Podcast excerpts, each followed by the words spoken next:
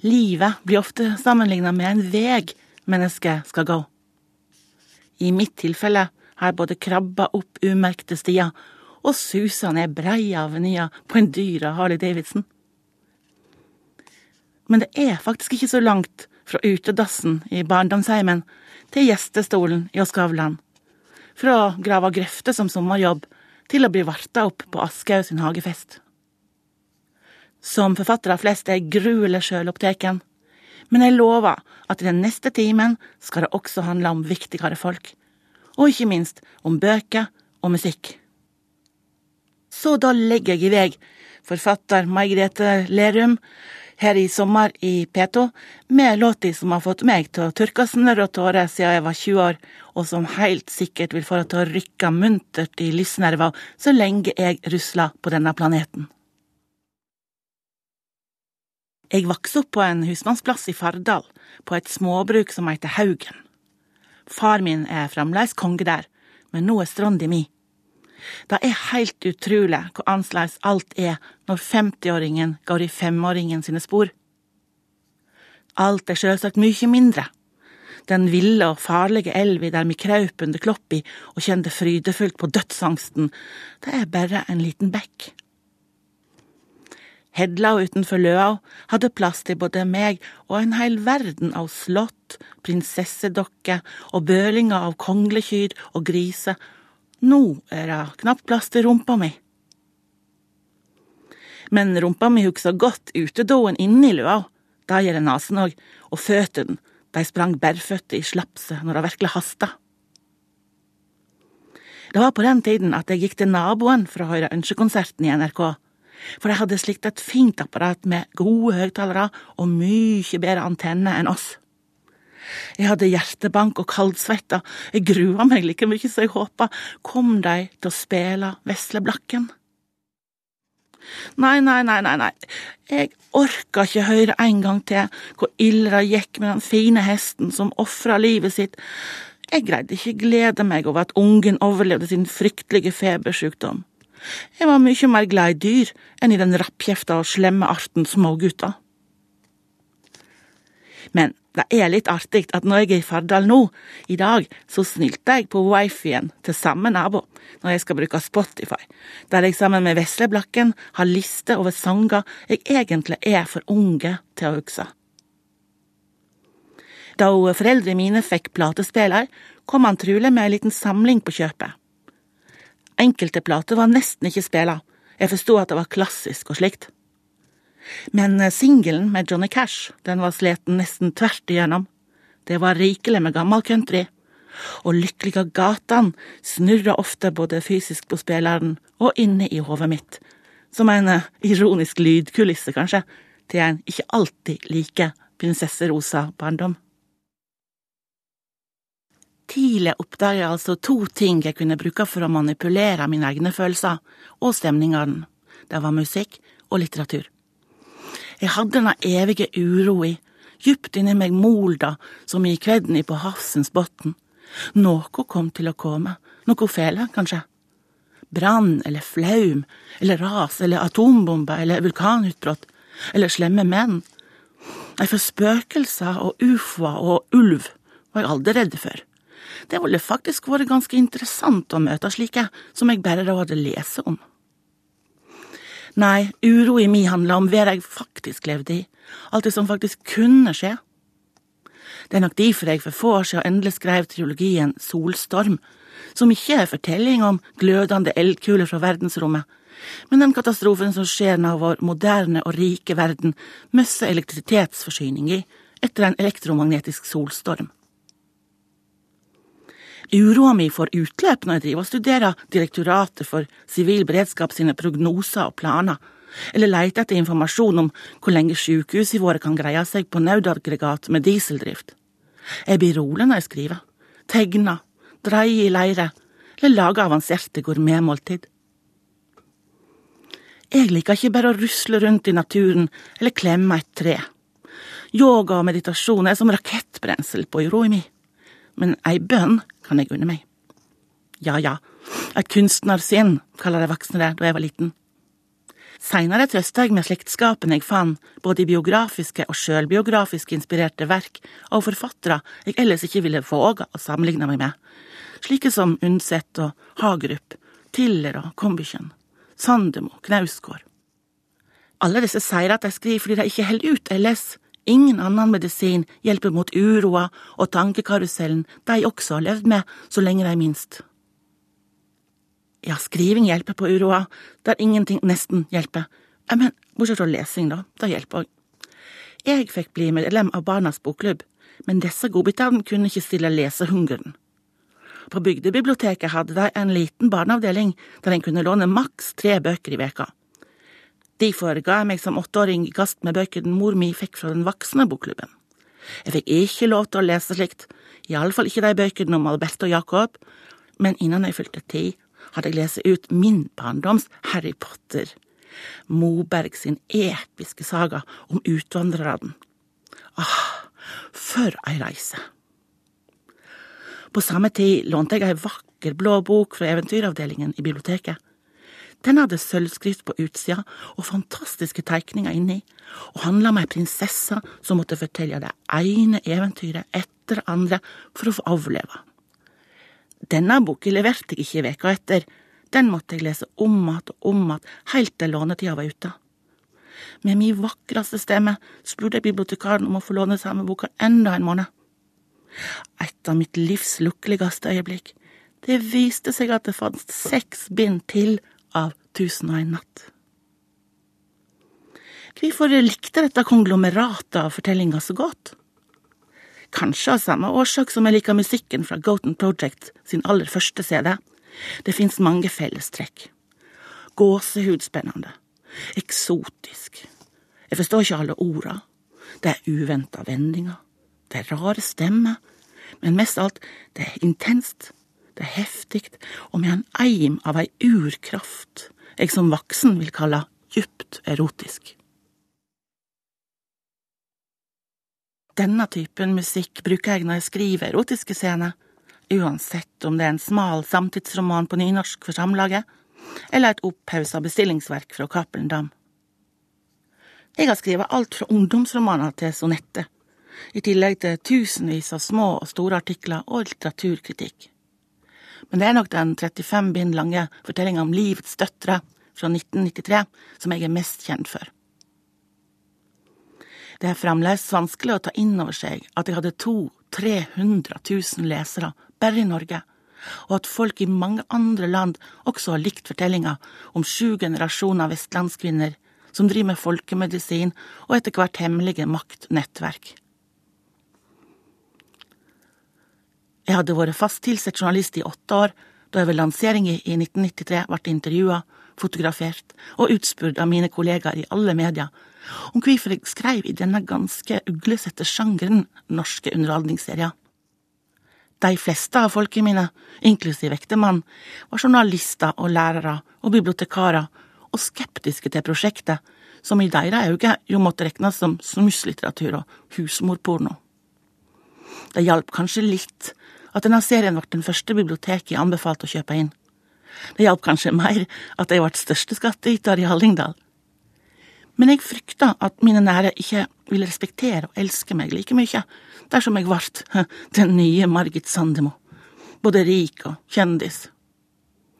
For når veit en hvem som er venn, og hvem som bare kommer for å ete og drikke ved ditt bord, eller invitere deg fordi de vil du skal kaste kjendisglans over selskapet deres? Hvem er det som liker den neglebitende og ustadige meg, og hvem er det som bare er imponert over at jeg har en egen vinkjeller, en naturlig barmfager, slagferdig og ganske ofte på TV? Her hadde det passet godt å spille Cornelis Fresvik sin sang Sjuttonde balladen. Ja, mange jeg trefte og ble glad i disse suksessrike og festlige årene, forsvant da tyngre tider kom. Men om jeg kjenner meg sviken, så hadde jeg også fått varige gaver Delte glede er faktisk dobbel glede. Jeg fikk reise og oppleve mange land og kulturer. Husmannsjenta åt og drakk av alt det beste, og lærte at det gamle slagordet fra familiebedriften Lerum er sant. Ekte vare smaker best. 90-tallet var bestselgerlister og heiderspriser og rampelys, men også et urolig helvete jeg bare så vidt kom meg unna i tide. Likevel, til dømes hadde jeg neppe oppdaga varige glede som svensk raddismusikk. Var det ikke for eksmannen min og den enorme platesamlingen hans, så hadde ikke jeg visst hvem Hula Pandula Band var, med nå avdøde Bjørn Afselius og ikke minst Mikael Wie. Deres sanger har fremdeles mye å si i aktuelle samfunnsdebatter.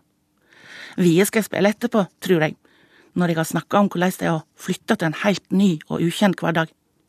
Fra 400 kvadratmeter enebostad til 45 kvadratmeter privatliv i et digert, gammelt kunstnerkollektiv på Smestad. Eller kanskje fra Syria til Trangvik. Tenk om, ja. Det er kanskje de to viktigste ordene i livet mitt.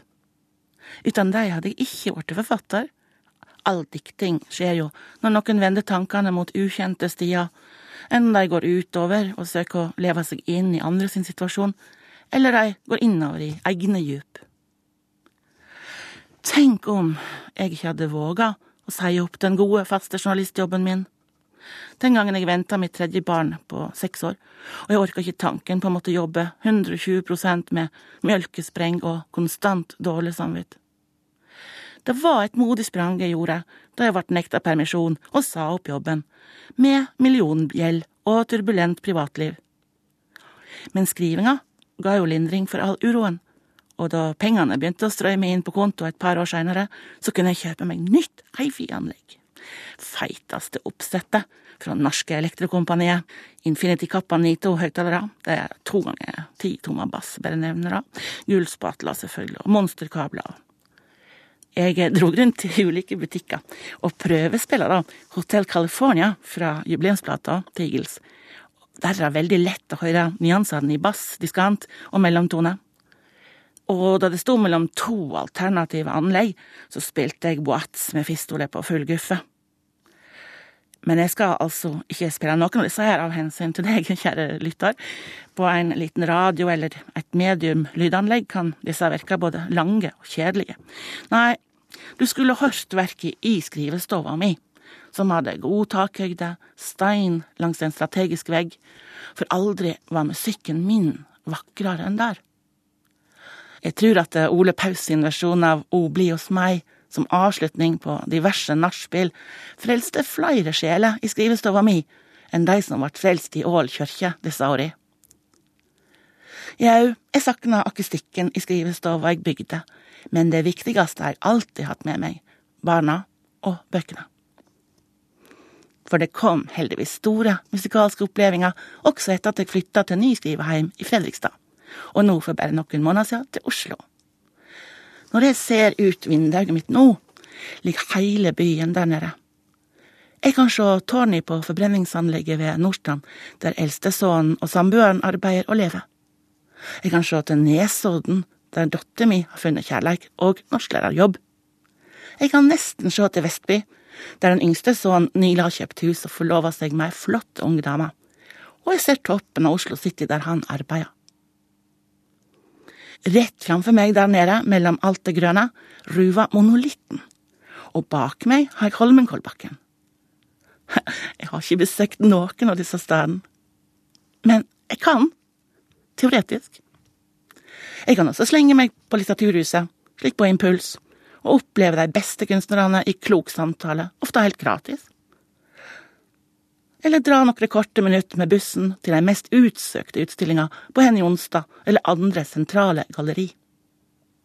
Jeg kan ta T-banen fire minutter og gli inn i mengda av feirende pridefolk eller demonstrerende abortmotstandere. Hver veke blir jeg invitert til fester og lanseringer, konserter, debatter og kanskje såkalla lønningspils med tidligere kollegaer. Men sant å si så gjør jeg lite av dette. Det er ikke bare fordi jeg trives for godt i sofaen og ved skrivebordet. Jeg tårer rett og slett ikke. Jeg har mer enn et lite snev av sosial angst når jeg ikke er på jobb eller sammen med mine aller nærmeste. Det er kanskje den vesle husmannsjenta i meg som aldri slipper helt taket. Hun som tykte mer synd på Vesleblakken enn på skada guttefanta i skillingsvisene. Hun som aldri seinere heller var flink nok. Om hun så fikk bare toppkarakter og ble flytta til gymnas i stedet for å gå siste året på ungdomsskolen. Hun som kunne holde foredrag for tusen mennesker, eller lede en MC-klubb, eller som journalist konfrontere og stanse overgrep fra maktmennesker. Nei, jeg sliter fremdeles med å sette meg på en utekafé og bare nyte sola og utsikta, eller bli med en jeg ikke kjenner så godt på kino. Sjøl bursdagsselskap og bryllup gruer jeg meg til. Heldigvis blir det jo som regel trivelig, ofte rett og slett minneverdige møter med gamle og nye venner. Men, men jeg misunner de som bare er. De som ikke er så redde for å bli avvist eller for å dumme seg ut. Og så er jeg sint på meg sjøl. For jeg veit jo at alle de som glir forbi kafébordet der jeg sitter med solbriller og klamrer meg til bok, de bryr seg ikke mer enn ti sekunder om andre, de heller. Det var fantastisk å høre da jeg intervjuet henne, hvordan mi NRK-heltinne Anne Grosvold snakka om at hun hadde det på samme vis. At hun, med sin enorme kunnskap og trygge autoritet i både Lørdags-TV og Dagsnytt 18, fant det vanskelig å gå inn i NRK-kantina aleine eller ta trikken. En annen sjelefrende, som har skrevet mye om både kontraster i personlighet og denne ubehagelige kjensla av skam og utenforskap, er jøden Leonard Cohen. Kanskje var det derfor jeg ble fanforelska i han da jeg var tenåring, også som musiker og sanger. Jeg kjenner meg kanskje att i den merkelige blandinga av melankolsk sjenert og tiljubla ekshibisjonist. Faktisk tror jeg at jeg som 16-åring kjempa meg mot journalistjobb bare fordi jeg tenkte at det er eneste måten en noen gang kan få oppfylt drømmen om ei natt med denne magiske mannen. Jeg har ikke møtt han ennå, og det begynner å haste. Men jeg har kysst samme kinnet som han må ha kysst mange ganger, for jeg ble godt kjent med hans tidligere kjæreste Marianne Ilen etter at jeg intervjuet henne for mange år siden. Hun skal ha takk for disse svært uskyldige kyssa. Enkelte gamle drømmer kan jeg vinke farvel med et ømt lite smil. Men det fins traumer som jeg liksom aldri greier å slippe av, eller illusjoner, kan en kalle det, kanskje til og med rene sjølbedrag.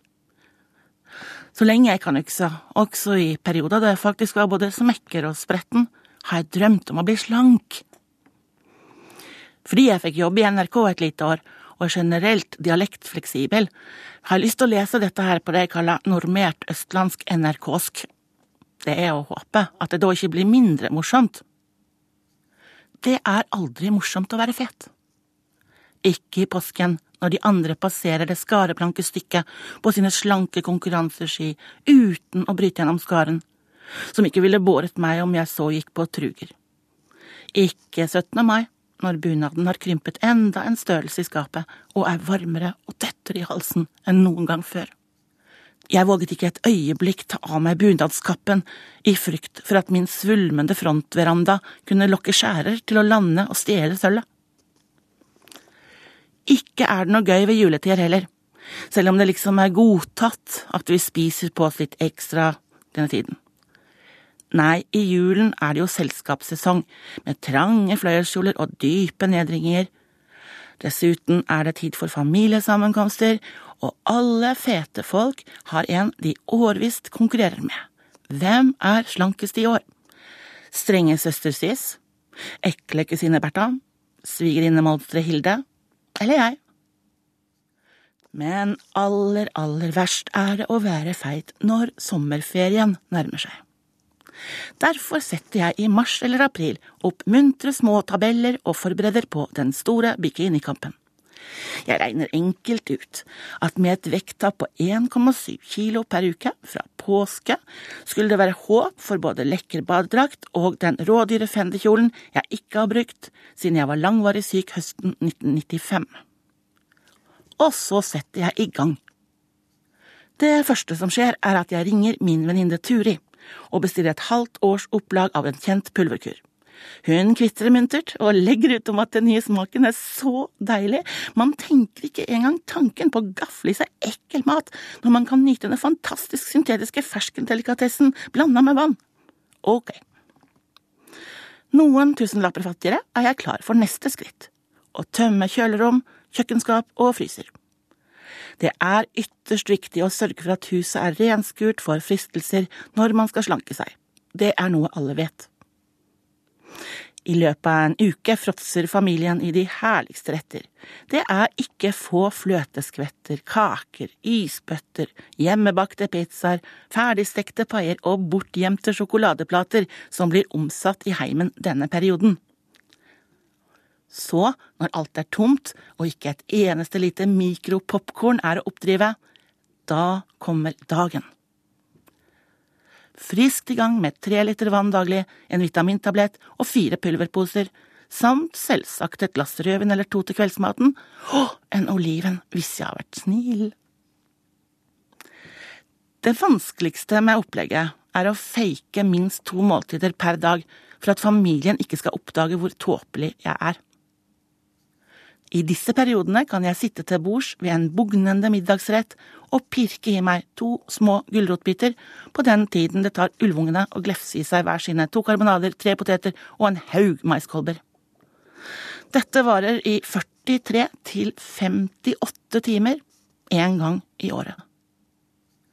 Derfor gikk jeg igjen en feit sommer i møte. Og jeg har gruet meg siden sannheten demret sist i mai. Det er for sent å bli slank og stram i år også. Jeg kommer igjen til å smyge meg langs utkanten av stranda, innhyllet i et silketelt. Kanskje jeg tar en kjapp svømmetur, dersom jeg får psyka meg opp for de grufulle sekundene mellom liggende flatt i sanden til fullstendig neddykket i vannet. Da jeg var yngre, ble løsningen å bade i T-skjorte, eller levisbukser, og jakke opp av vann igjen, inn med magen, haka fram, føttene varsomt plantet. Tenk å snuble og falle med all sin tyngde, akkurat i strandkanten der alle de små barna leker. Grøss og gru, flodbølgen ville vel druknet flere av dem. Greenpeace ville komme for å hjelpe meg ute igjen, som en annen Keiko. Og tilbake på stranda begynner så prosessen med å skifte til tørt tøy. Og det er ikke snakk om snertne shorts eller korte topper i år heller. Nei, først må puppene inn i panser-BH-en fra i fjor. Den er grusomt ubehagelig, men må til for at jeg skal kunne bruke klær med knepping over brystet. Og så er det å tvinge sine hovne ben inn i et par pumps med hæl. Man ser jo mye slankere ut med hæl på skoa. Bøtter av deodorant alle vet jo at fete folk stinker og svetter mer enn andre. Gud forby at det skulle ramme meg. Og så en rask stell av hår og sminke. Fete folk må være mye nøyere på resten av sitt utseende, ellers virker de sjuskete. Gjengen min svinser av gårde for å grille lubne kyllinglår, glinsende svinefileter, dryppende pølser i baconslåbrok. Selvsagt har de waldorfsalat, potetchips og en krem av urtesaus, solmodne tomater bada i ypperste jomfruolje, og vin, bøtter av vin og iskald, forfriskende jordbær margaritas. Jeg blir med. Vennene fanger meg lett inn i latter og samtale, lek og dans. Vi kjenner hverandre. Vi har delt mer enn en vinternatt før. Og vi er glad i hverandre så mye at ingen egentlig ser hverandres kropper som noe annet enn redskap for gode klemmer og varmende smil. I den sene augustnatta sitter jeg mett og salig av alle sommerens gleder, og kjenner en kjærlig hånd stryke meg over en akk like så myk i magen. Skal vi bade litt igjen, bare vi to? Og i det blå mørket smyger jeg meg ut av mitt hylster både det av tekstiler og det av fett. Da er jeg verdens vakreste kvinne. Da er det akkurat som i sangen. There's a starry field around this low-light kingdom where all our defenses are down. Da får jeg lyst til å seire på sogning. Er det noen som vil bade? Jeg har eget strand.